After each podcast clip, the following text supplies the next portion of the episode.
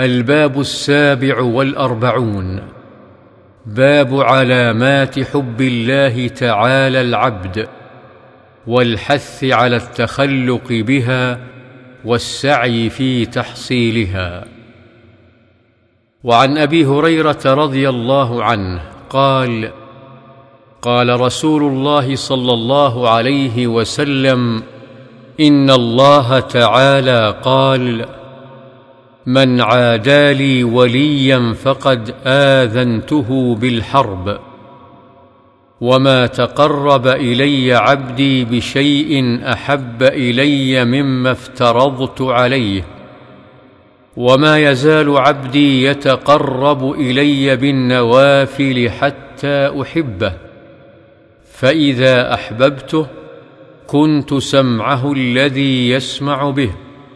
وبصره الذي يبصر به ويده التي يبطش بها ورجله التي يمشي بها وإن سألني أعطيته ولئن استعاذني لأعيذنه رواه البخاري.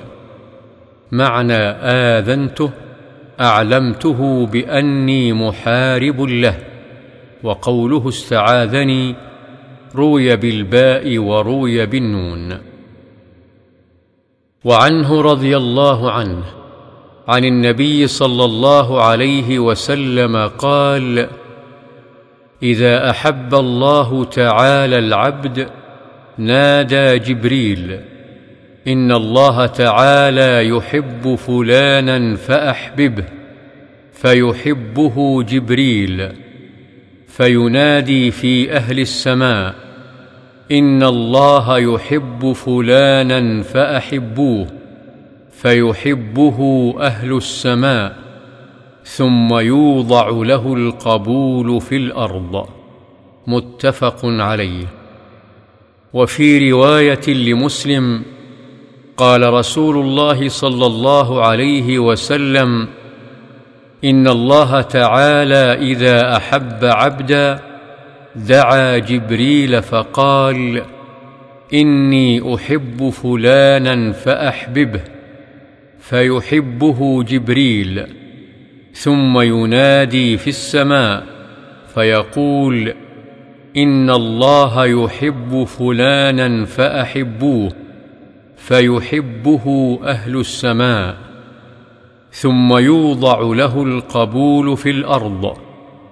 وإذا أبغض عبدا دعا جبريل فيقول إني أبغض فلانا فأبغضه فيبغضه جبريل ثم ينادي في أهل السماء إن الله يبغض فلانا فأبغضوه فيبغضه أهل السماء ثم توضع له البغضاء في الأرض.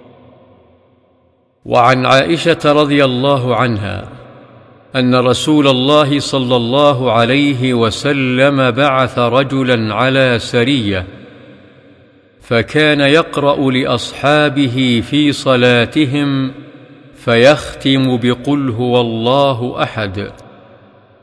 فلما رجعوا ذكروا ذلك لرسول الله صلى الله عليه وسلم فقال سلوه لأي شيء يصنع ذلك فسألوه فقال لأنها صفة الرحمن فأنا أحب أن أقرأ بها. فقال رسول الله صلى الله عليه وسلم أخبروه أن الله تعالى يحبه. متفق عليه.